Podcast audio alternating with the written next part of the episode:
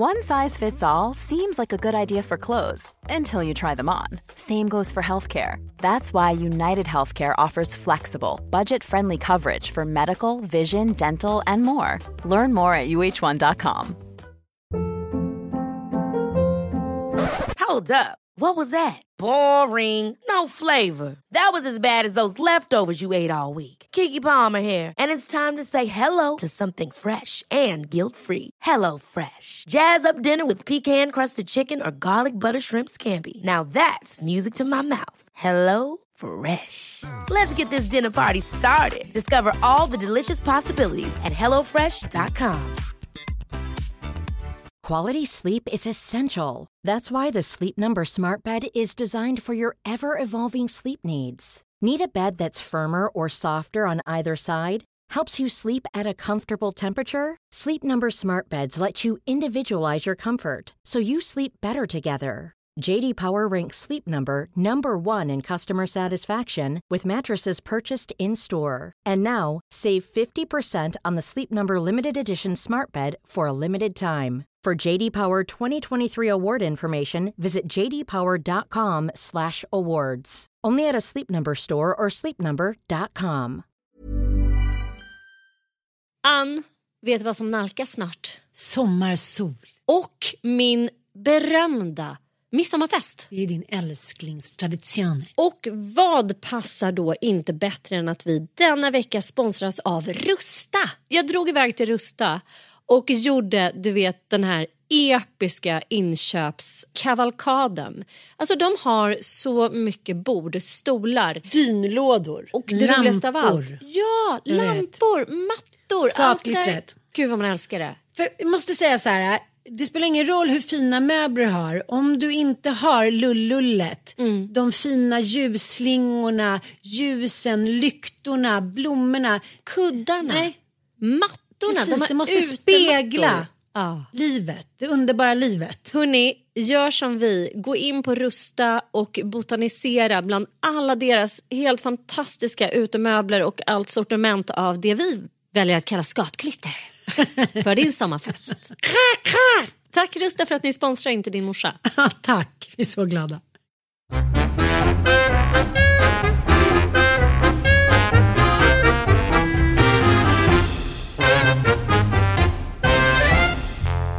Hej och välkomna till Inte din morsa. Det var liv i luckan förra avsnittet. De mest oväntade som har lyssnat på... på Nej, men det är ju det. ja, du var väldigt bestämd där första, förra avsnittet. Väldigt bestämd, väldigt bestämd åsikt. där. Men folk verkar gilla det. Mm. Man, man, eh, att man är tydlig och tycker saker och. Mm. ger sig på andra och så.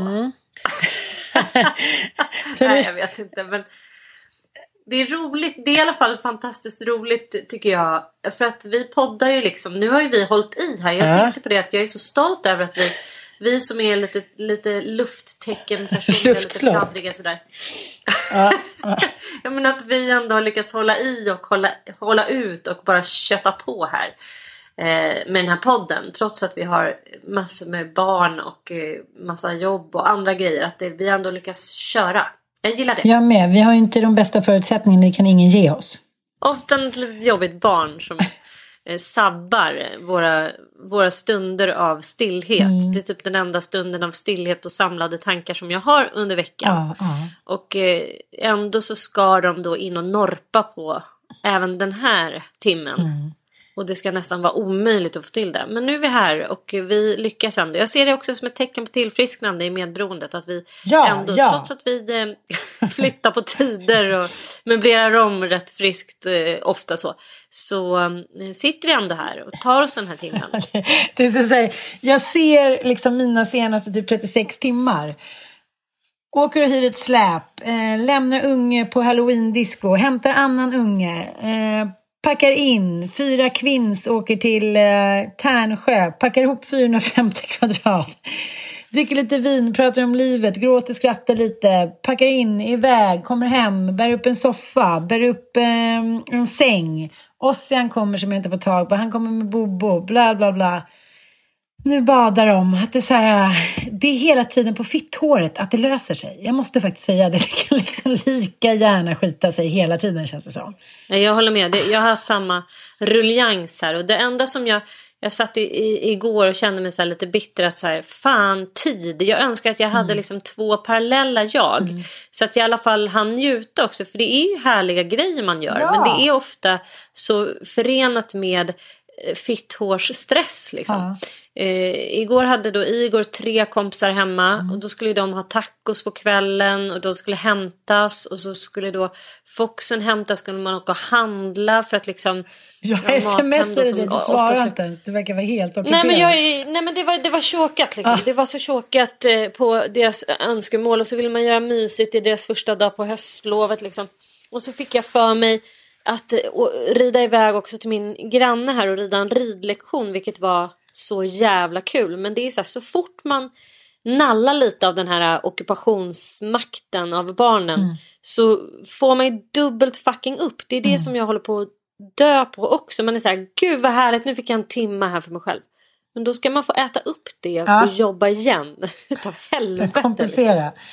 Och Mattis är ju på, eh, på ön på Gotland och packar ner ladan. Eh, och hämtar hem det sista med sina killkompisar. Så att, eh, det känns lite som vi så här, utvandrarna. Vi är i olika lador, olika gamla hus och packar. Oh. och tar hand om barn och åker båt. Och... Herregud. Det är, ändå, ja, men det är ändå livet. Det är som man är en rastlös själ. Om det inte händer någonting så klagar man ju på det också. Men, men det, jag tycker då, det ligger någonting i det där.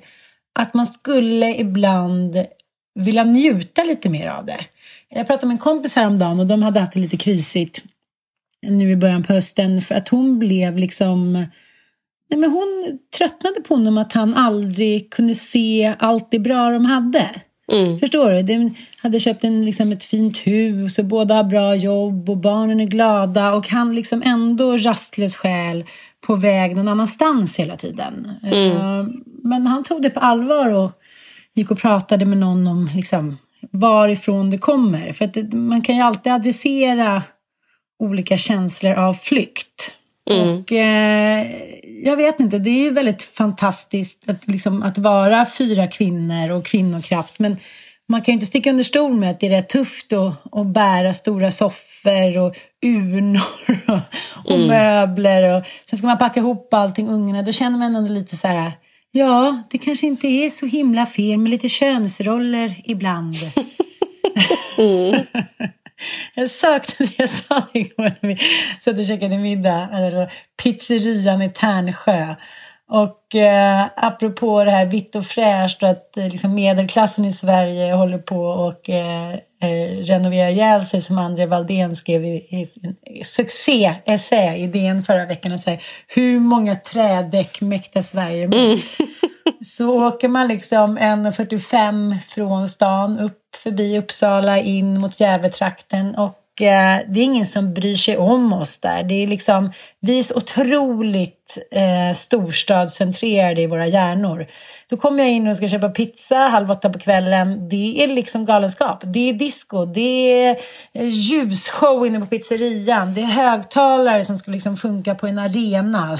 Bredvid pizzerian är det party. Men det, det är liksom, det är lopp loppisar, det är folk sitter utanför och röker, det är hundar. Det, det är, dansbandsmusik. Ja, det, är liksom, jag, jag menar inte för, liksom, det handlar inte om att jag, det handlar inte om någon snobbism. Det, det handlar, de lyssnar säkert också på men fan Mozart, det, det, är inte det jag vill komma åt utan där kommer man in, först är det Euphoria, eh, fett på på högtalarna och sen mm. är Linda Bengtzing och jag känner så här, för fan vad mycket roligare det var att gå in på den där pizzerian en kväll än någon annan krog man har varit på i Stockholm. Mm. Så att jag, jag, jag tänker på det där att det är så här, man tror att bara för att man är en storstadsbrutta så har man liksom facit till. Och den här oron som läcker att den kanske också beror väldigt mycket på det där att man sneglar åt fel håll liksom. Istället mm. för inåt då, eller vad man ska säga. Mm. Så kan det säkert vara. Mm. Men det var, det var väldigt festligt i alla fall. Det, det tänker jag överlag att det är en av mina, så här, vad ska jag säga, Nej, men det, det jag är mest glad över egentligen över, över min barndom var att pappa turnerade så mycket så att vi var så mycket runt om i Sverige. Alltså man har ju varit Jag i trodde du stort skulle säga så vi slapp honom, men det vill jag inte. Nej. jag ska inte säga. Nej, jag vill inte slippa honom. Jag ville Nej. bara ha mer. Ja, den här frånvarande gubben. Men, nej Mm. men så här. Han tog ju, alltså det är ju så med resan, det är ju som ett resande folk liksom. Eh, den turnerande musikfamiljen. Så att man har ju varit i varenda håla i hela Sverige. Från norr till söder. Och det är så underbart. Jag älskar det. Jag, man, och det är, sam, alltså, det är lite som i vårt jobb också. Vi åker ju också land och rike runt och kan hamna liksom ena dagen i Mariestad och nästa dag i Leksand. Och, och sen är man långt ner i Skåne någonstans. Det är, jag tycker det är så jäkla befriande på något sätt. Och vidga vyerna och inse att Sverige är, inte är som du säger eh, idel eh, trätralls verandor. Renoveringar. Ja, renoveringar och så här kvänumkök och eh, you name it liksom. Det var en ganska intressant diskussion för jag lyssnade på en intervju i P1. Du vet när söndagsintervjun. Mm, en klassiker med Martin Wiklin. Precis. Fantastiska intervjuer nästan alltid. Eh, om inte intervjupersonen är, inte är något intressant. Det händer ju såklart ibland också. Men det är en nio gånger av tio tycker jag att det är superintressanta intervjuoffer som man brukar säga. Och då var det eh, förra söndagen Lena Einhorn. Mm. Som är författare och forskare och dotter till Nina Einhorn och eh, nu vet inte jag vad pappan heter om jag ska vara helt ärlig. Men, men de kom ju, de överlevde förintelsen, kom till Sverige och blev upphöjda läkare och forskare. De var liksom väldigt, väldigt framgångsrika och de fick då två barn varav Lena eh, var en. Hon hade en brorsa också. Är inte det Stefan Einhorn? Jo, Som också exakt. blev läkare? Ja.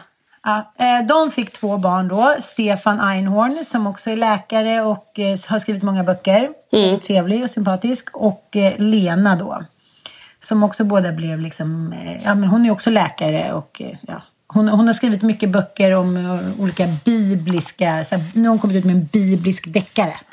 Fan Ja, spännande. hon är, ja, hon är väldigt intresserad av att så här, leta tecken i gamla och nya testamentet. Och så här, ja, kanske är Jesus och Johannes samma person. Alltså, Jag förstår. ja, men så supersmart. Men hon sa någonting i den här intervjun som jag tyckte var så otroligt spännande. Hon sa så här. Jag växte upp med två föräldrar och de var underbara, fantastiska föräldrar, så stimulerande och schyssta och, och liksom uppmuntrande och sa alltid så här, Lena är så smart, du får fråga henne. Hon, hon, hon kan liksom inte klandra sin uppväxt. Hon tyckte det var en toppenuppväxt. Men sen så kände hon så här, det är ändå någonting som inte stämmer. Varför har jag så svårt att bli älskad? Varför måste jag alltid vara över liksom? Eh, ja, men, en rädsla för att bli lämnad eh, visade sig då. Och då sa hon att de här två föräldrarna kom då såklart och hade egna trauman från förintelsen, of course. Men också superintellektuella och så fick de eh, raskt två barn. Mm. Och eh, de visste inte hur de skulle göra under småbarnsåren. De, eh, de hade inte den liksom, naturliga fallenheten. Som man säger, men, ja, nu ska jag inte prata om allting i klass, men vi säger så här, bondemoratakterna då. Utan de vill ju använda sin eh, intellektuella lösningar och det funkar ju inte med småbarn som är med på konferenser i San Francisco hit och ditan. De springer runt och härjar vare sig de har intellektuella föräldrar eller inte. Mm. Och sen så för, när hon var runt 30 så kom hennes kusin då med en gammal bok. En så här, ja, bok om uppfostran och psykologi för barn och sådär. Och då hade hennes pappa skrivit massa små liksom notes i eh, marginalerna och eh, strykit under då till, Lena, till Nina då hur hon skulle bli en bättre mamma Mm.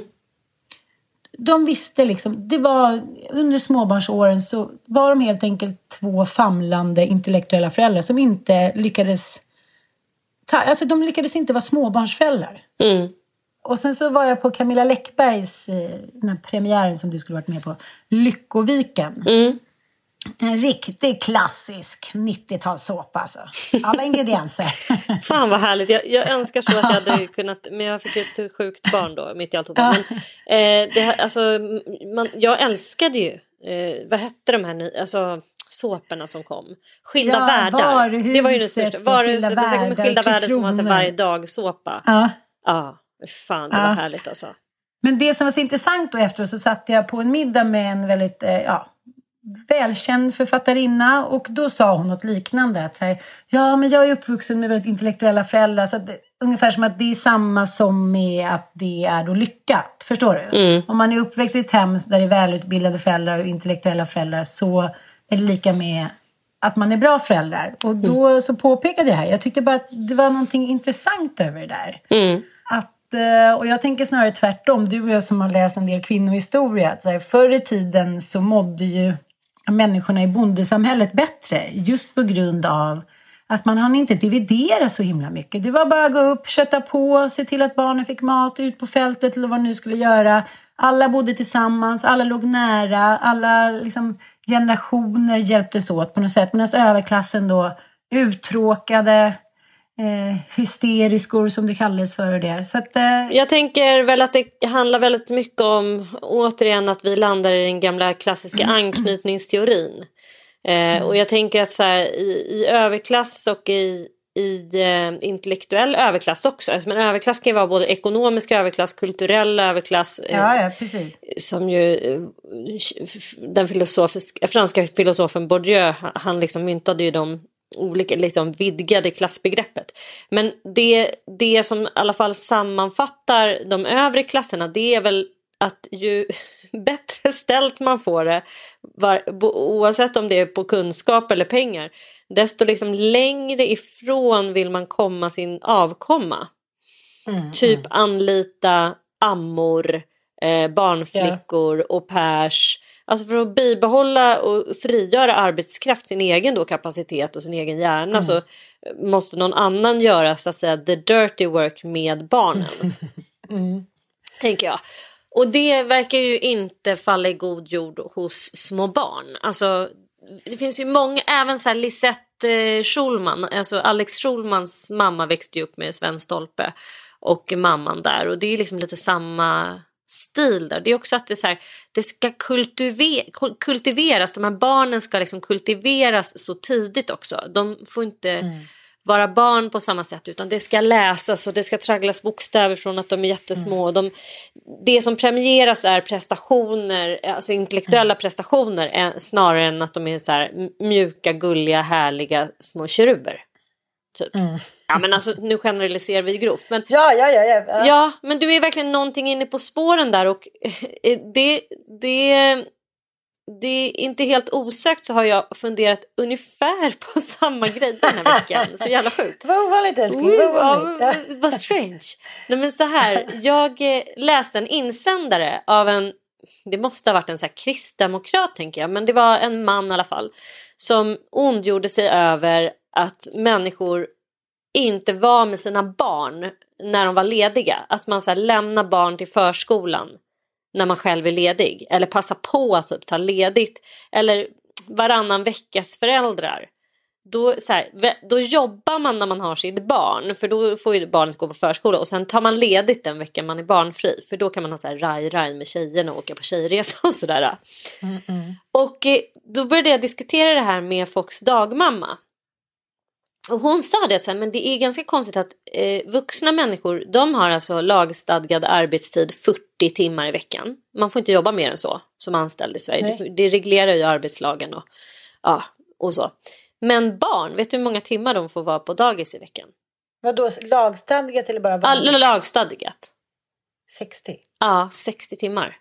Äh, fan. Eh, alltså vuxna människor som är anställda har ju rätt till minst fem veckors semester men barn i svensk förskola de ska inte få ha någon semester. Alltså de, det finns inget tvång att de ska ha semester utan man kan per definition stoppa in sitt barn på förskolan varenda dag. Hela året. Mm. Förutom på helgerna. Men det finns ju till och med så här nattis och helgdagis och sånt eftersom människor, det ska ju varje kommun kunna tillhandahålla också. Och då började jag fundera väldigt mycket på det här. För jag, jag, jag fick en sån lite dammig känsla av den där insändaren och tänkte så här, men what the fuck, liksom, låt folk få ha lite egen tid, sluta liksom. Mm. Men sen tänkte jag ändå mycket på att så här, det är någonting fishy med att vi tycker att barn är så besvärliga. Vi ska absolut ha dem, vi ska absolut eh, eh, sätta dem till världen men vi orkar inte fostra dem, sätta gränser för dem och göra the dirty work. Liksom. Då vill vi hellre jobba och vi, vi ser det typ som att det är skönare att komma till jobbet och få dricka en kopp kaffe och prata med vuxna människor än att ta hand om sin tvååring om dagarna. Och, och jag står ju själv i det här och jag kan ju verkligen erkänna att eh, jag tycker att det är jätteskönt att lämna mitt barn till dagmamman. Och Ja, men- eh, få lite då eh, arbetstid eh, slash egen tid. Jag menar det är ljuvligt. Eh, att försöka utöva mitt yrke samtidigt som jag har mitt barn är ju, eh, det skulle krävas häxkonster för att få till det. Liksom. Och samtidigt så blir, vet jag ju också att ju mer jag är med honom desto enklare är det att vara med honom. Ja, jag vet. Mm. Och, men jag tycker problemet är, alltså, det är klart att, så här, vad var det Simone de Beauvoir sa, att liksom, yrkesarbetet är det enda som kan garantera kvinnans frihet. Mm. Och jag förstår vad hon säger, men så kommer jag också ihåg, kom du ihåg när eh, författaren och feministen Nina Björk började debattera det här? Var det, på nitt- var det i början på 2000-talet? 2005 tror jag det var. När hon var så här, eh, det, det, vi är inne på helt fel spår, vi måste börja om på ruta ett. Och på den rutan så, så hamnar de om livets realiteter. De ser ut så här, barn finns och barn tar tid. Och det här var ju mitt i en tid när kvinnor skulle liksom självförverkligas. och Man, man Det var mitt in i det vi kallar för hela mamma feminismen. Liksom att allting gick Precis, ut på att så jobba 80 timmar i veckan och liksom anlita vem fan du vill. Ta, lämna Ja. ungen på typ så här nattis, dagis och sen Ja, lite, och sen ska du så gå på AV. Ja, och sen så, så AV. Ändå så här, ja, och sen så gick man ändå från dagis. Jag var med om det där så många gånger. När jag gick, liksom lämnade mina barn på dagis, gick därifrån ont i magen och grät runt hörnet. För jag kände så här, ja, jag är karriär, jag syns på tv, hitan och ditan. Men varför har jag då lite ont i magen? Mm. Och så såg man så här insändare och knattetimmen hit och dit och liksom mammor som var så här, jag vet det här känns inte så bra, jag lämnar barnen och de är borta kanske så här åtta timmar, nio timmar på dagis. Och var så här, ingen fara, barn har inget perspektiv och hit och dit. Och ja, kanske en äldre ungen, ja hon kanske blir, liksom, tänker lite mer på det, men ingen fara. Allting som mammor gjorde in the name of liksom jämställdhet och karriärism Mm. skulle liksom okejas. Mm. Och eh, jag träffade en kvinna som jobbar mycket med kvinnohälsa häromdagen och hon sa det att så här, vi fattar inte att den stressen som vi utsätter våra kroppar för gör att vi hamnar liksom i förklimakteriet. Vi framkallar själva liksom det här hormoniella dåliga måendet. Det, det får vi, jag, jag är inte liksom hormoniell hormonexpert så jag kan inte uttala mig om det men jag, jag tror ändå att det ligger någonting i det att, att här, svenska kvinnor mår så jävla dåligt. Och då tänker man så här, mina kompisar som bor i USA, de fattar liksom inte. De är så här, ni har lagstadgad skola, ni, har liksom, ni kan sätta er på bussen överallt. Alltså, allting är liksom fixat och ordnat. Ni kan gå till sjukhus utan ont i magen, ni får mammografi. Alltså ni lever ett smutt liv och ändå så mår ni typ sämst i världen. Så de, fatt, de får liksom inte ihop det. Nej. Och så tänkte jag på en grej som eh, Jessica Lasse skrev häromdagen. Vet du vem det är? Eh, ja, hon Det har är väl hon podd. och Malin Gramer har ju en podd. Precis. Hon skrev en insändare då eh, på sin Insta. Så sa hon så här. Jag har flyttat hem från Spanien och eh, jag fattar inte vad problemet är. Så här. Där lyckades jag gå upp med barnen, ha en härlig morgon, spela tennis, yoga, äta lunch med mina vänner. Alltså allting som att leva i nuet och göra saker som hon tyckte var roligt för henne men även att de kunde vara liksom en en fungerande och eh, liksom, ja, en lycklig familj. Och så sa hon, så kom jag hem till Sverige och så på pappret är det egentligen ingen skillnad. Jag gör ungefär så här, samma saker och ändå så känner jag så här att jag bara stressar och jäktar runt. Jag har liksom inte typ gjort en grej för mig själv. Jag bara, hon bara säger, jag, jag, jag förstår inte den här ekvationen. Jag förstår inte hur det kan vara som skillnad. Och jag har tänkt på det där och jag, jag tror att vi är inne i någon jävla... Vi har liksom imploderat av stress. Även om vi inte alltid är stressade. Man ska vara stressad för det är fint. Mm. Man ska ha mycket att göra liksom. Man ska vara fullbokad och det ska vara liksom. Ja. Det ska vara maxat på något sätt. Ja. Ja, så kan jag nog verkligen också känna att så här, dels är det miljön att vi så här, och sen att vi, vi lever ju, vi påverkas ju väldigt mycket av vårt samhälle förstås. Mm, mm. Eh, av vilka vi har kring oss och så här, har man inte andra som softar och så här, går ner och spelar lite tennis och kommer men sen är det ju också ett sånt faktum att så här, varför känner man så precis just nu? Mm. Natten när vi går in i vintertid när det spöregnar och ska göra det i fem dagar framöver och vara så här minusgrader på nätterna. Alltså det är nu skiten börjar. Det är nu det här mörkret, den här det är nu man inte kan leva ett spontant liv när man bara så lite spontant glider iväg och gör något mysigt på morgonen, typ går och tar en fika. Det går ju inte.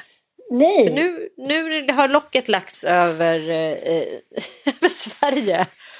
Nu är det inomhusliv som väntar och nu är det så sjukdomar utav helvete och liksom det ska ligga och snoras och, och Lollo kräktes, han var den första här nu som fick någon form av åkomma då, någon liten vinterkräkis då. Mm, Mysigt. underbart. Mm, och då är det ju inte liksom att man kan komma igång igen så att säga efter 24 glada timmar utan nu är det 48 timmar eftersom alltså, man, det, nu är det liksom blir man sjuk nu då är det ju då ska man ju vara hemma och vara symptomfri och hela, hela den baletten. Så Sju det är fängelse som väntar. Känner mig inte så peppad. Men hur som helst för att återanknyta till, till både din och min spaning så ligger det ju någonting eh, väldigt intressant i det tycker jag med anknytningen. För jag har också läste då inte helt osökt, du vet när man får upp någonting och börjar fundera över något. Så jag är också med, jag har blivit addad av någon i förskoleupproret på Facebook. Mhm. Har du, det är ju en grupp med förskolepedagoger som kämpar för att dels mindre barngrupper, dels högre lön och dels liksom för att få sitt yrke lite mer, få en lite högre status på det helt enkelt, vilket ju de absolut förtjänar. Men eh, det uppstod en diskussion här på exakt samma tema. Att det var någon eh, där inne, jag vet inte om det var någon pedagog eller om det var bara någon random kvinna som just så här pinpointade att så här, varför lämnar man sitt barn till förskolan när man är ledig själv? Och då var det ett gäng pedagoger som var så här, eller typ när man är arbetslös eller när man är eh, sjukskriven för något enklare så här, kan man inte passa på då liksom vara med sitt barn?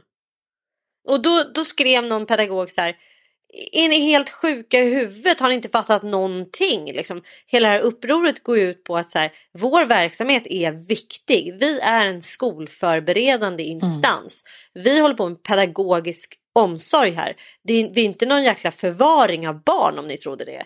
Utan det är väldigt viktigt att barnet får komma till förskolan. Och då kände jag någonstans så här, fast hej, hej, hej, hold your horses. Här. Jo, jag kan absolut att, eh, hänga med på att eh, det är jätteviktigt för barn som är kanske fem år eller fyra, fem år då, eh, med pedagogisk eh, liksom, skolliknande verksamhet. Att börja så här, lära sig saker. Men alltså kom igen, för en ett och ett halvt åring. Nej, jag skulle faktiskt inte säga att pedagogisk, alltså pedagogik på förskola är för en ett och ett halvt åring nödvändig. Nej, men jag vill... Utan, eh, och då, då är det också så här, jag tycker också, varför ska man, eh, så här, är vi i förvaring bara? bara ja, vad är det för fel på att statushöja personer som är omsorgsfulla? Om jag fick välja en eh, person som ska ha hand om min ett och ett halvt-åring eller tvååring, tror jag väljer en superintellektuell pedagog eller bara en snäll tant? Ja. En snäll tant förstås och den snälla tanten vill jag ge dubbelt så hög lön för att vara en snäll tant som är omsorgsfull som, har, som kan verkligen så här, gå in i omsorgsbiten. Det är samma sak på hemtjänsten. Alltså, det, det skulle inte funka om alla som jobbade i hemtjänsten skulle tycka att de hade liksom något läkar... Alltså förstår du vad jag menar? Att det finns olika roller. Jag tycker inte man ska pissa på omsorgspersonal på det sättet. Så här, nej, det vill man inte vara. Att liksom ta hand om, eh, byta blöjor, smörja in fötter. Allt det är så här trash typ. För det tycker inte jag att det är. Jag tycker Nej, det, är men- ett, det är också en konst att kunna vara omsorgsfull, kärleksfull. Ja. Att, att anknyta till barn som inte är ens egna. Att få barn som inte är ens egna att känna sig trygga, sedda, hörda och eh, framförallt tröstade. När man är sådär liten. Det är liksom, det tycker jag är, är en konst. Men jag tycker att så här, vi, vi, har lite, vi har liksom blandat ihop allting känner jag. För att nu är ju liksom lagstadgat att man måste gå i skolan från man är sex år. Och nu har ju eh, lämnats in en motion om att eh, även förskolan ska bli lagstadgad. Då, mm -hmm. då, så att barn måste, måste ah. gå på förskolan? Kom igen. Nej, då, då, flyttar jag till USA faktiskt. Nej, men jag, jag känner också så här. Jag förstår att man vill liksom höja statusen på så här kvinnojobb. Men samtidigt, så här, om vi tänker på socialdemokratin som har liksom ockuperat Sverige under 58 långa år innan vi fick liksom en blå regering. De har ju verkligen så här hånglat upp och gått hand i hand med kvinnorörelsen. Och så här, ja men ropen ska alla, daghem åt alla hit och dit. Det finaste man kunde göra var att tänka på sig själv och jobba. Mm. Men jag tänker liksom, om, man, om man tänker till lite, precis som du säger. Jag har inget behov av ens att Bobo eh, ska komma till skolan och liksom ha läxa och engelska. Jag vill att de så länge som möjligt ska få leva det lilla livet. Nära människor som ger dem trygghet, nära människor som inte direkt så påpekar eller så här, indoktrinerar dem att de måste prestera saker. jag känner så här, herregud. Jag berättade ju för dig att jag tycker det var så stor skillnad bara från när Dante och Igor som är 14 började sex år mot nu. Jag, jag, jag, kände mig som en liksom ganska saggig pedagogisk mamma som inte hade förberett Bobo alls för, för det här. Jag tänkte så här, äh, det blir en förlängning av, av förskolan och de kommer sjunga lite och leka lite och lära sig lite liksom, siffror. Supernaivt av mig, men det här var ju liksom hårt drillad American way. Här, första läxorna har vi redan betat av och det är engelska och det är så här, mm. wow! Och då känner jag lite så här, jag förstår att man måste höja statusen på kvinnoyrken men, men jag undrar så här, vad är det för vad är det liksom för fel på det här lilla livet? Ja, och varför ska det vara mindre värt. Nej. Förstår du vad jag menar? Ja, jag, alltså, jag tycker liksom att sen, vi, måste vi intellektualisera omsorgsyrket? Mm. Räcker det inte med att vi höjer statusen på det? Att vara en, alltså, det finns alltså, omsorgsyrken som hemtjänst och kanske fritidspedagog också. Att man ser till att skapa en meningsfull sysselsättning hos barn som inte går i skolan heller. Mm. Alltså fritidspedagoger, eh, det finns ju en rad omsorgsyrken som jag tycker inte att man behöver intellektualisera dem eller att de ska vara yrken som man ska ha högskoleexamen för det, det var ju där det hände någonting mm. när förskollärare, alltså man kunde läsa på, på högskolenivå till, till förskollärare. Innan mm. dess var väl alla i stort sett Eh, kanske någon hade läst några poäng pedagogik men de flesta mm. hade väl läst vård och omsorg. Jag vet inte exakt vad det var för det kanske var, fanns någon förskollärare eller någon typ av pedagogiskt utbildad eh, mm. personal men alla andra var ju mer omsorgspersoner som hade gått vård och omsorg typ eller barnskötarlinjen. Det, ja, det och det betingar inte en särskilt hög lön. Men, och det, jag kan verkligen förstå att det blir en kvinnofälla att liksom jobba heltid i ett jävligt tungt yrke och få skit för det och låg lön. Mm. Så ska det naturligtvis inte vara utan det är vår resursfördelning. Liksom. Men måste man kräva en högre lön och måste synen på barnets behov förändras mm. bara för att vi ska höja yr yrkesstatusen för förskollärarna. Mm. Det är det jag inte får ihop riktigt. För barn är fortfarande, ett och ett halvt åringar är fortfarande ett och ett halvt åringar eh, som, som liksom behöver en kram snarare än... Nej men lagstadgad förskola för, liksom för tvååringar. För då säger de här socialdemokratiska supertopsen, topparna att så här, vägen till ett jämlikt samhälle börjar i sandlådan. Men det jag tror att där allting har gått snett och där vi kanske ändå måste gå tillbaka till så här, inte sandlådan utan kanske potatisåkern är ju att så här, jämlikt är ju inte alltid samma sak som att vi alltid måste vara lika. Sen behöver vi inte gegga in oss i så här biologiska olikheter hit och dit. Men bara det där att min kompis sa när vi skulle börja packa alla bilar och åka hem i spöregnet där i Tärnsjö utanför Gävle. Och hon sa så här, vad fan, vad fan. de brukar alltid vara så att hon tog in barnen i bilen och han packade bilarna. Och det var liksom 50 mm. gånger som hon fattade vad fan var det som liksom stod i vägen för att hon skulle kunna stänga den där jävla bakluckan. Och då sa hon lite så här, ja, det vore lite mysigt om han var här nu och bara packade bilen i alla fall. Och det blev liksom, även om det var en, en, en banal, liksom, ett banalt exempel så ligger det någonting i det där att, att socialdemokratin och kvinnorörelsen har gjort fantastiska saker med, liksom för Sverige. Men eh, det känns som så här, kan vi inte vila lite i att barn, att förskolan eller sex års eller alltså det som nu socialdemokratin i alla år har problemat för. Det kanske inte alltid passar alla bäst. Det kanske inte alltid är det bästa, bästa, bästa, bästa, bästa alternativet.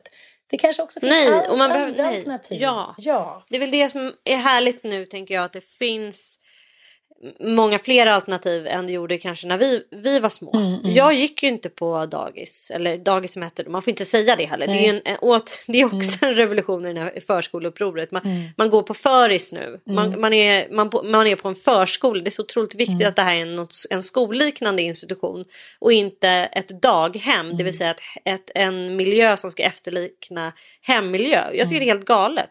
Jag vill att mina små barn, om jag nu ska lämna dem på en förskola. Jag vill hellre ha tillbaka daghemmet. Att det ska vara som ett hemliknande, mysigt, omsorgsfullt ställe med snälla tanter ja. Kanske är superprovokativ, men det vill jag. Hellre än att det ska vara någon högutbildad pedagog där. Ja, det kommer, jag kommer säkert få det nu, men, men eh, då får jag få det, för jag står för det. Men ärligt talat, vem, vem så, om, om du minns då, eh, om du minns din barndom. Jag gick ju några år på förskola, sen var mamma hemma och sen var hon dagmamma. Alltså, det var lite hit och dit och fram och tillbaka. Jag minns fortfarande min förskollärare i Falun, Britt, som umgicks med mamma och vi åkte dit på helgerna. Och jag minns ingenting av någon pedagogik överhuvudtaget. Jag minns bara deras omsorg om mig. Jag gick ju hos, på, alltså då, det var ju någon slags förskola, eller lekis hette det, lekskola. Och det var när man var fem och sex år istället för sex års. Och när man var fem år. Och då, istället, när man inte gick på dagis då så gick man på lekis. Och lekis var ju då från åtta på morgonen till elva till innan lunch. Och sen kom det en eftermiddagsgrupp som kom efter lunch och gick fram till fyra. Så vi gick då åtta till eh, elva. Och sen gick vi hem till en dagmamma som hette Tampe.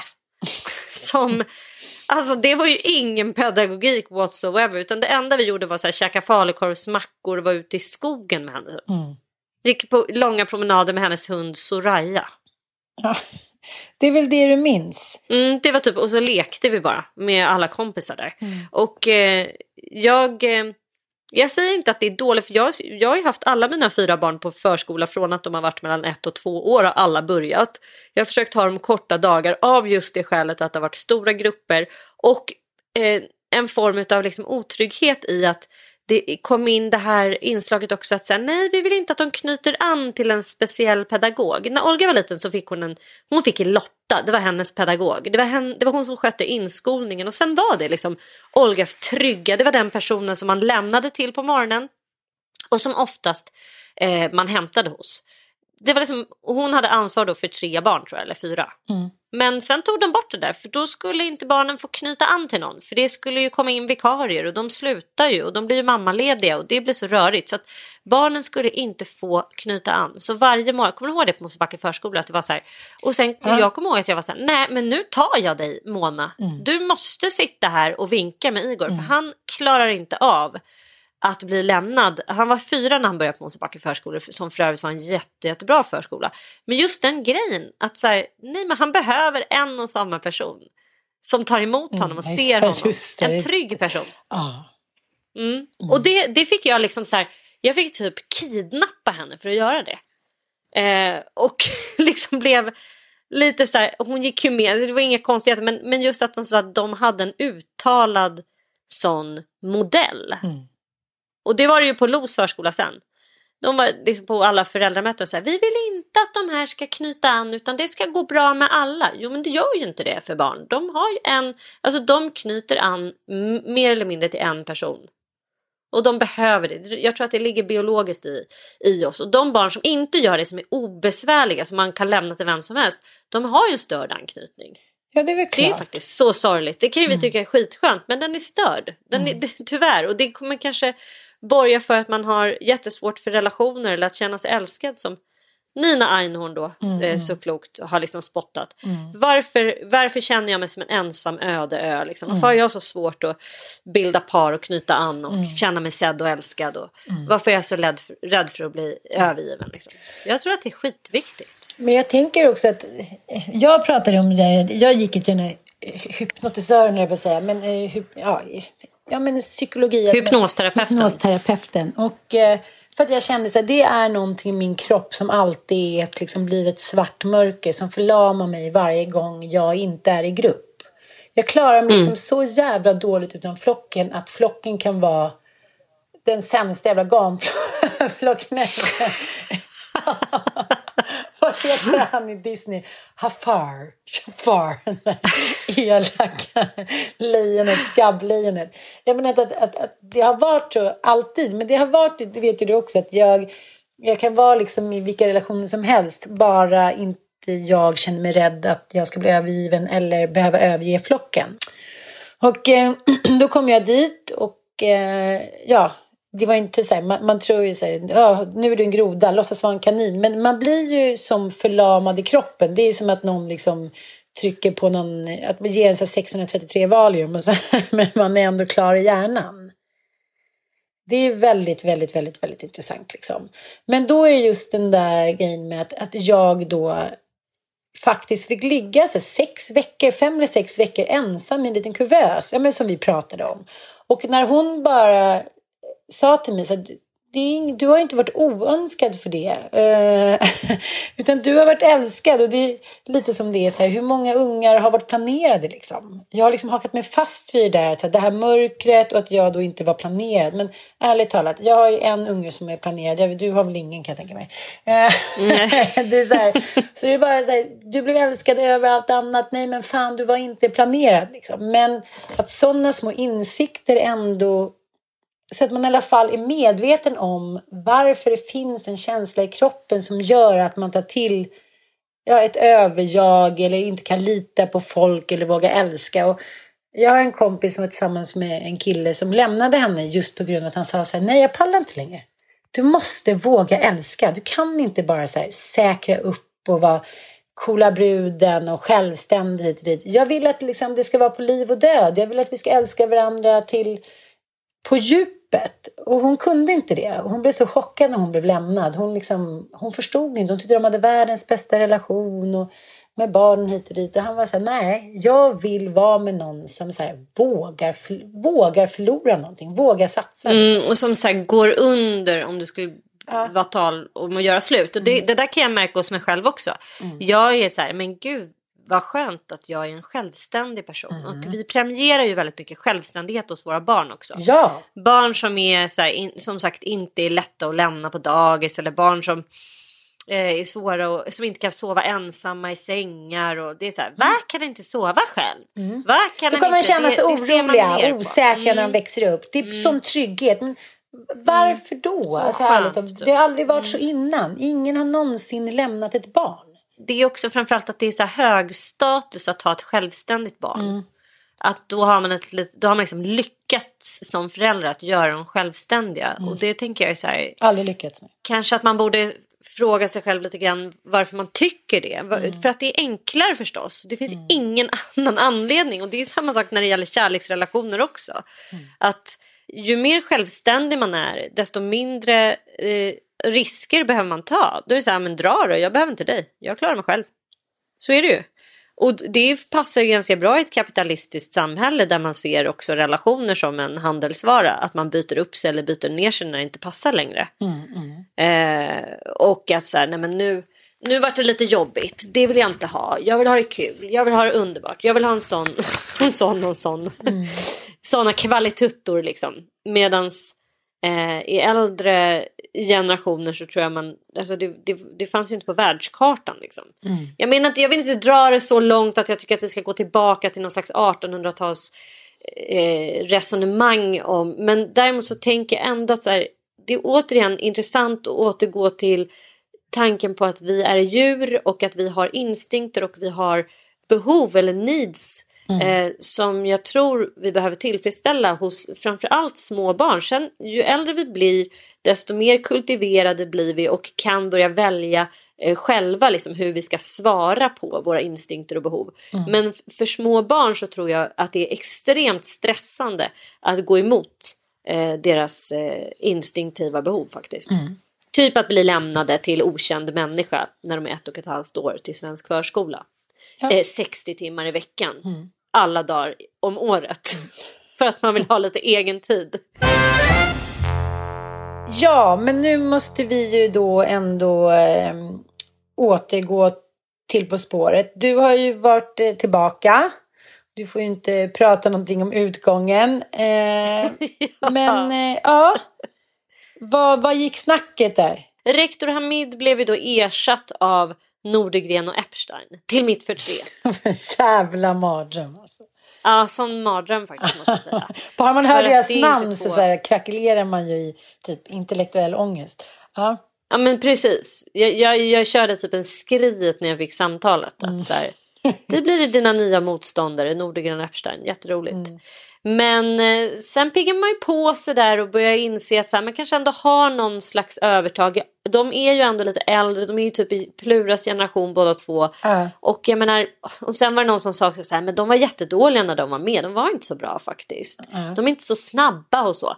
Och då, då fick, återfick man ju hoppet. Och så var man där och det, var, det här var ju då fick man ju träffa hela På spåret-redaktionen och de har ju aldrig någonsin tidigare varit med om något dylikt. Nej. Så de var ju liksom i chock och trauma och eh, ja, de var så lyckliga över att de hade fått ihop det här och att Nordegren och Epstein eh, steppade in och tog plats då i eh, en kupé där så att vi kunde få genomföra två nya inspelningsdagar. Och eh, utan att säga för mycket så kommer i alla fall inte göra bort mig tror jag. Nej. Men, men kände du att du typ hade liksom vant dig lite? Kände du att du hade lite mer skills när du kom dit? Jo men det måste jag säga. Men jag, jag tänk, alltså, Du var En erfaren. grej som man... jag var erfaren, jag har varit där nu. Mycket. Nej, men en grej som jag ändå blev lite förvånad över och det framgår ju inte när man ser På spåret på tv. Det är att man har ju väldigt mycket längre tid på sig Ja, att svara. Ja, ja. Alltså de, det, är liksom, det filmas runt och sen när det är de här musikfrågorna då är det liksom ett liveband och de spelar ju inte låten bara en gång för de måste ju filma i olika vinklar. Så de spelar ju den två gånger och så har man lite tid att resonera. Och, alltså det, det är mycket mer tid. Så att så jäkla farligt är det inte. Men jag menar det är ju det är lika fullt vidrigt när det kommer frågor som man bara, där det är helt svart. När man vet att så här, men jag har ingen fucking jävla aning. Vi får hitta på något. Ja. Nej, och det, är också, liksom- det är en obehaglig känsla. Den, liksom, den strider mot ens natur. När man inte... Ja. Man kan sitta där i 200 år. Man kommer aldrig ha en jävla aning ändå. spelar ingen roll, hjärnan har inte noterat eh, någon jävla revolution i Prag. Den har aldrig någonsin hört talas om någon revolution i Prag. Så man kommer liksom inte kunna gräva fram det hur många associationer man än får eller liksom så. Eh, det är vidrigt men eh, roligt också. Och det var, det var härligt eh, att bara få rätta till det här och eh, jag tror att det kommer bli en skitbra säsong Mm. faktiskt. Och sen hann jag också, eh, för jag lovade ju både dig och våra kära lyssnare en recension på Samtycket, Vanessa Springora. Och jag har läst ut den nu. Och jag ska göra en kort, snabb, eh, vass recension av den här boken. Och jag vill börja med att säga, gå raka spåret och köp den bara. Du behöver inte göra det för du ska få min. Nej, jag har här redan beställt den. Du har den? Jag, oh kunde, jag kunde Ja, inte men hålla mig. Jag tänkte det kanske Ja, men det tar en här vecka är- när vi träffas. Mm. Dels, det här är en bok som jobbar på flera nivåer och det älskar jag. Alltså att både få, eh, alltså det här är en självbiografisk bok. Och det är en liten trend vi kan se bokåret 2020. Vi har Åsa Linderborg, vi har Claes Östergren, vi har, eh, men alltså, Ru, vad heter han? Runar Sörgard. Ja. Det kanske han inte heter längre. Ja, det, det kommer massor med självbiografier, dagböcker, ja, självbiografiska verk helt enkelt. Frida Boysen och sådär. Och det här är ju ofta väldigt lästa och älskade böcker. Det är en genre som går hem i stugorna. Speciellt om man har liksom en, eh, vad ska man säga, någonting saftigt Mm. bakåt. Och problemet med biografier det är att de kan vara riktigt jävla kackigt skrivna. Mm. Och att man kan använda då sin barndomssår eh, på ett, vad ska man säga, lite snaskigt sätt. Ja. Så att man till slut blir så här, åh gud, hur kan man verkligen använda en livshistoria på det här sättet? Eh, det är för mycket offerkofta på, det är för mycket sympatier, det är för mycket liksom så här. Du förstår vad jag menar? Ja. När hela huvudpersonen eh, författaren drar på sig en blöt stor offerkofta och hänger ut liksom olika typer av då släktingar kanske eller Fruar, andra personer. Men Runars bok då, har du hört vad den heter? Eller? Mm. Ja, tio, Gud, gav oss tio bud, oss jag har brutit bud. mot nio av dem. ja. Jag läste att Carola har avböjt att läsa den och att det räckte att hon fick tio år av sitt liv förstörda av den här personen. Så hon vill liksom inte ens läsa skiten. Men Vanessa Springoras bok tillhör inte kategorin sliskig off- offerkofta. Utan det här tillhör kategorin självbiografier som håller extremt hög stilistisk klass. Alltså litterärt, eh, litterär verkshöjden är en 10 av 10 skulle jag säga. Vad Så bara det, så oavsett om det inte hade varit hon, eh, alltså en verklig sanningsenlig historia, Mm. så hade den här boken varit fantastisk. Alltså hennes språk är som en så här, eh, nu ska jag använda ett för mig slitet uttryck, men en porlande fjällbäck. Alltså någonting som är så här glasklart, knivskarpt när det bara så här det, ja, men jag, jag använder, så fort jag läser riktigt bra text så, så får jag, jag tycker att Linda Skugge har eh, ett sånt språk. Det är bara skär rakt igenom en fast på ett härligt sätt om du förstår. Det, det landar liksom, eh, det är aldrig så här inlindat, det är glasklart är det. Samtidigt så är det väldigt poetiskt. Så det, den håller en väldigt hög klass rent litterärt och det är en det är en fröjd att läsa den från början till slut. Man vill inte sluta. Det är som bara äta någon, Det är som äta väldigt goda ord. Och sen är ju den här historien också så jävla viktig för att hon får ju oss som läser att förstå vad grooming är. Eh, och hon... Jag älskar att, att hon gör både offret och förövaren komplexa. För människor är komplexa och det är jag också trött på. Att man är antingen bara ond eller bara god. Men hon, hon beskriver den här relationen. Alltså, kortfattat, vi har ju pratat om det här förut men för nytillkomna lyssnare så handlar det här alltså om en kvinna, eh, Vanessa Springora, som när hon är 13 år blir förförd av eh, huvud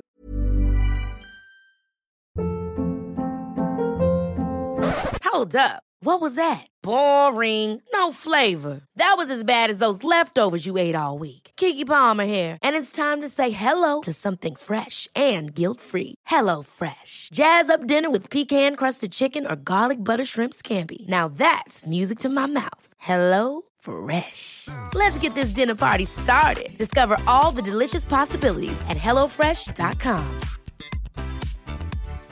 One size fits all seemed like a good idea for clothes Nice dress. Uh, it's a it's a t-shirt. until you tried it on. Same goes for your healthcare. That's why United Healthcare offers a variety of flexible, budget friendly coverage for medical, vision, dental, and more. So, whether you're between jobs, coming off a parent's plan, or even missed open enrollment, you can find the plan that fits you best. Find out more about United Healthcare coverage at uh1.com. That's uh1.com. There's never been a faster or easier way to start your weight loss journey than with PlushCare.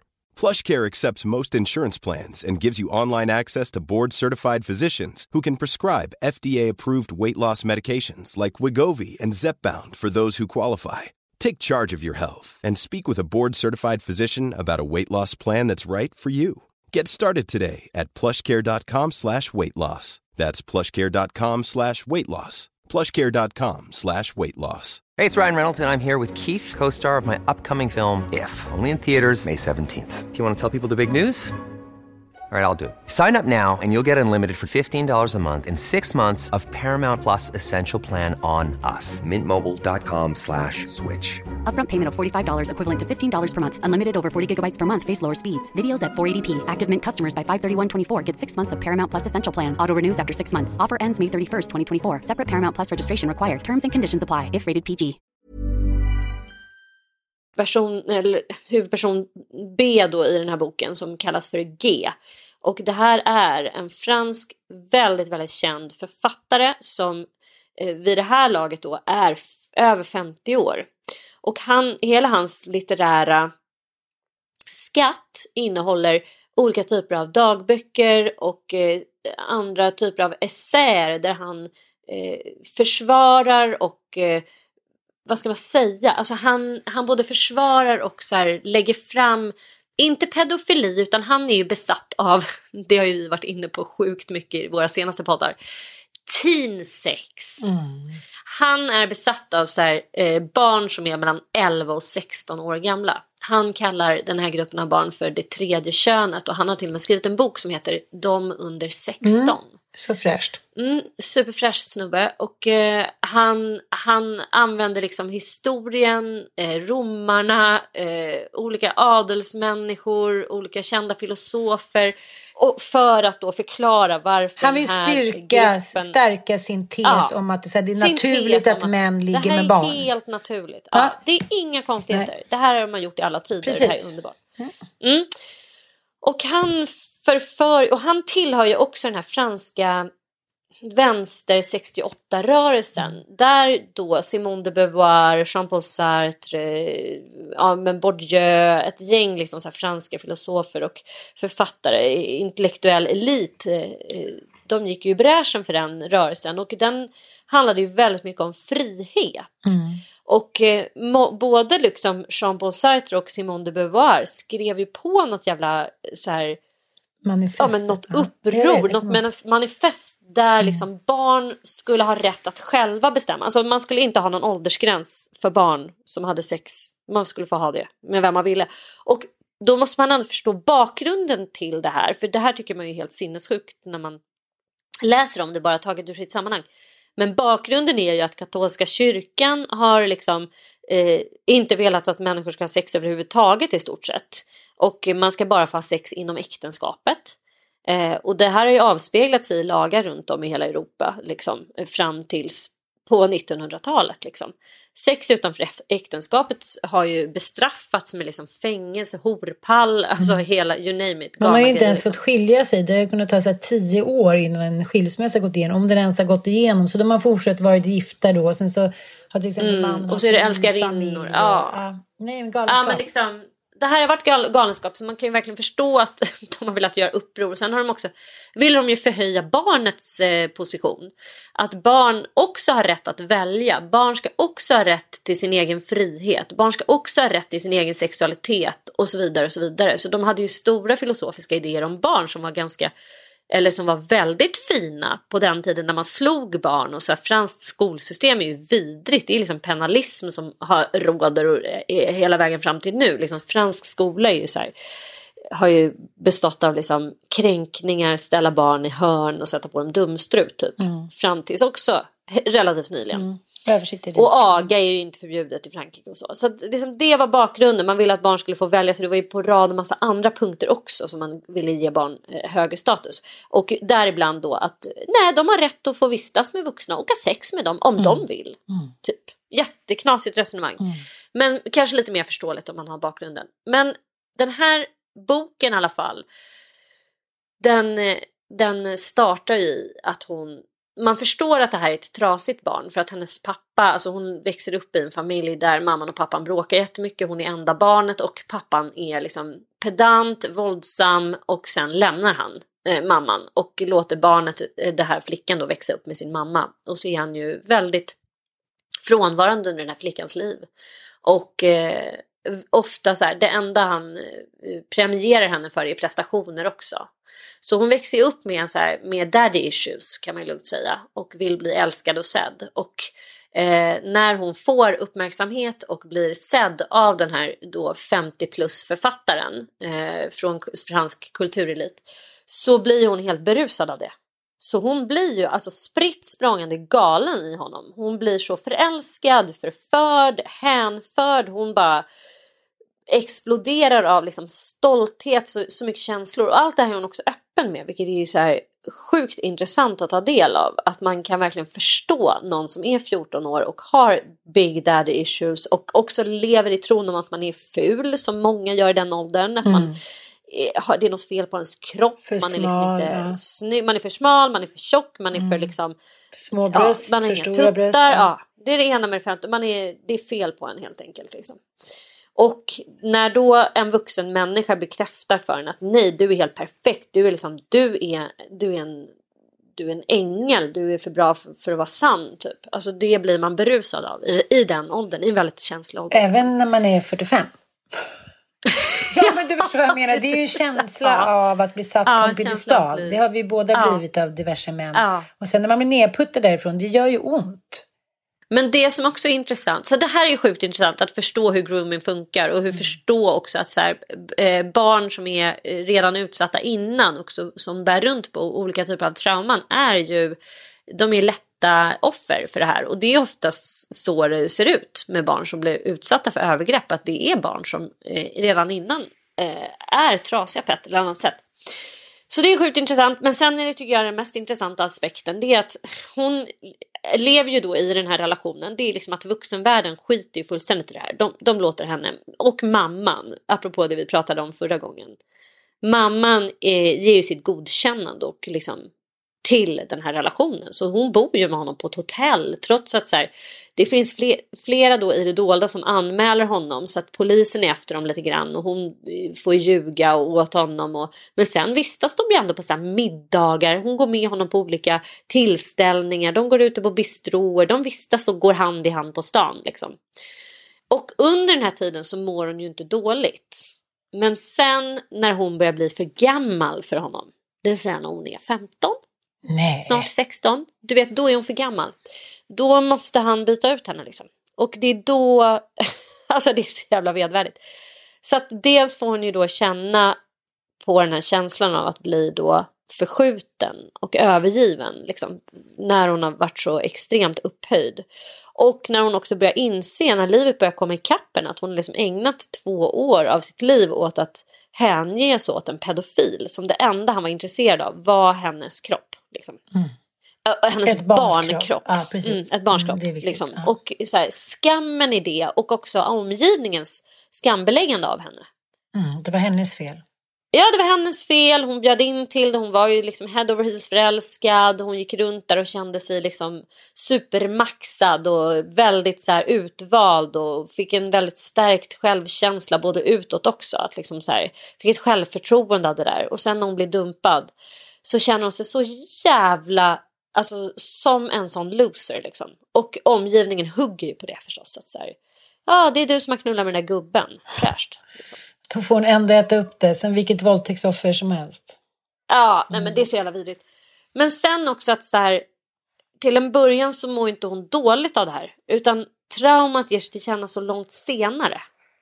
Det är också en sjukt spännande att man tror att någon är så här, oj nu blev du våldtagen, oj då får du ditt traumaupplevelse, den är här. Nej, den kanske kommer så här 15 år senare. Såklart. Och så är det ju för henne att så här, hon mår ju som allra, allra sämst när hon är så här 25 och ska börja förväntas skaffa barn och familj och gå in i en relation för att hon fattar att hon är så här, hela hennes sexualitet är ju för det första också kidnappad av att hennes första sexuella möten har ju bestått av att hon har knullat med en 50-åring.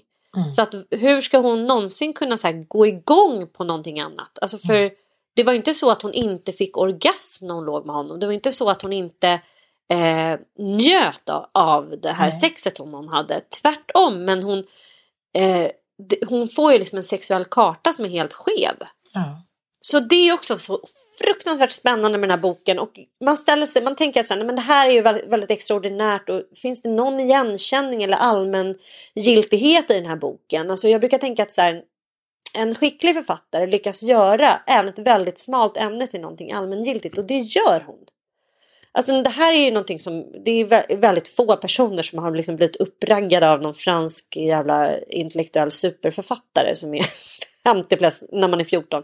Men ändå så tror jag att varenda käft, inklusive män, kan känna igen sig. För man får så jävla mycket tankar om sin egen sexualitet. Vad var det som egentligen Alltså grundade, vem skrev den sexuella kartan åt mig? V vad är det som gör att jag liksom gillar en viss typ av sex eller inte? Och det, den, är, den, är så, och den är på så många plan, i så många dimensioner viktig bok. Läs den säger jag bara. Jag kommer lägga upp den och nu kommer ytterligare en nyhet. Nej. Vi har ett Instagramkonto Ann.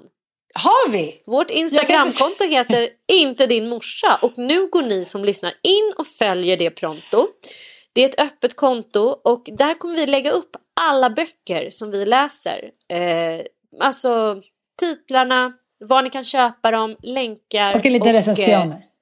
En liten, ja det vet jag inte om vi kommer orka skriva, max tre meningar Ja, så men det är en liten recension.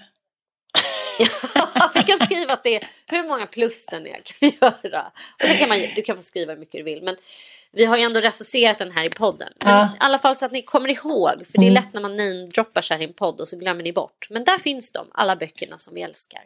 Sen, Och annat kanske. underbart, vad duktig du är. Jag vill också lägga till en grej innan vi slutar.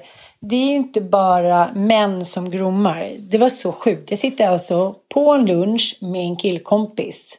Och så börjar jag prata om den här boken. Han säger så här, ja, jag hade också ihop det med en kvinna när jag var 12 till 16.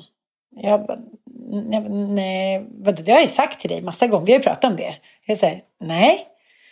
Då har han liksom eh, de har träffats genom någon form av idrottsskola liksom, skola, prestation. Han hämtar hennes barn på skolan. Han är där hemma. Hennes man blir misstänksam och svartsjuk och de bara blånekar.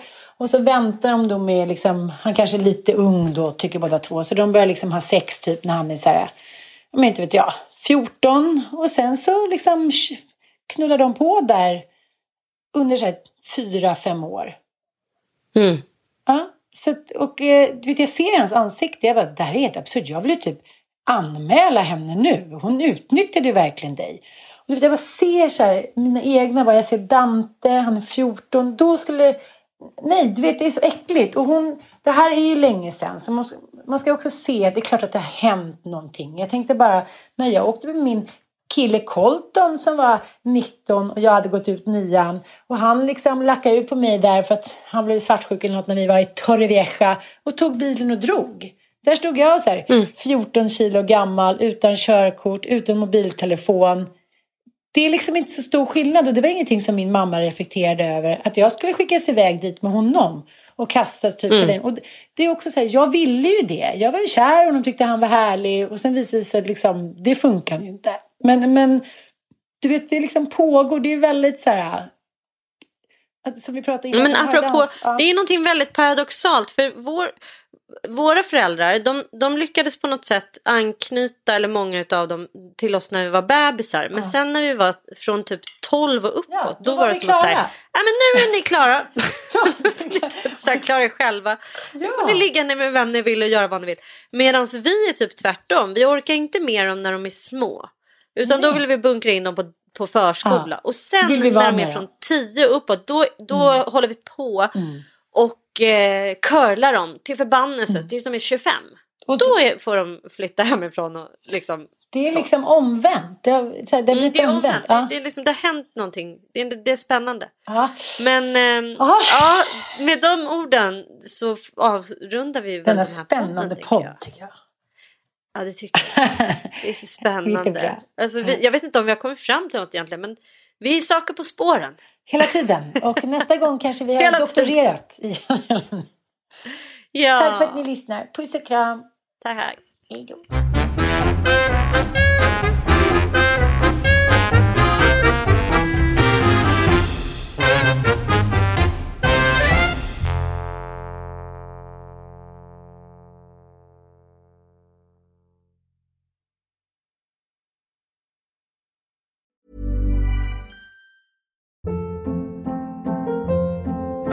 Hold up. What was that? Boring. No flavor. That was as bad as those leftovers you ate all week. Kiki Palmer here, and it's time to say hello to something fresh and guilt-free. Hello Fresh. Jazz up dinner with pecan-crusted chicken or garlic butter shrimp scampi. Now that's music to my mouth. Hello Fresh. Let's get this dinner party started. Discover all the delicious possibilities at hellofresh.com. Hi, I'm Daniel, founder of Pretty Litter. Did you know cats tend to hide symptoms of sickness and pain? I learned this the hard way after losing my cat, Gingy. So I created Pretty Litter, a health monitoring litter that helps detect early signs of illness by changing colors, saving you money and potentially your cat's life. Pretty Litter is veterinarian developed, and it's the easiest way to keep tabs on your fur baby's health right at home. Go to prettylitter.com and use code ACAST for 20% off your first order and a free cat toy. Terms and conditions apply. See site for details. Imagine the softest sheets you've ever felt. Now imagine them getting even softer over time. That's what you'll feel with Bowl and Branch's organic cotton sheets. In a recent customer survey, 96% replied that Bowl and Branch sheets get softer with every wash. Start getting your best night's sleep in these sheets that get softer and softer for years to come. Try their sheets with a 30-night guarantee. Plus, get 15% off your first order at bowlandbranch.com. Code BUTTERY. Exclusions apply. See site for details.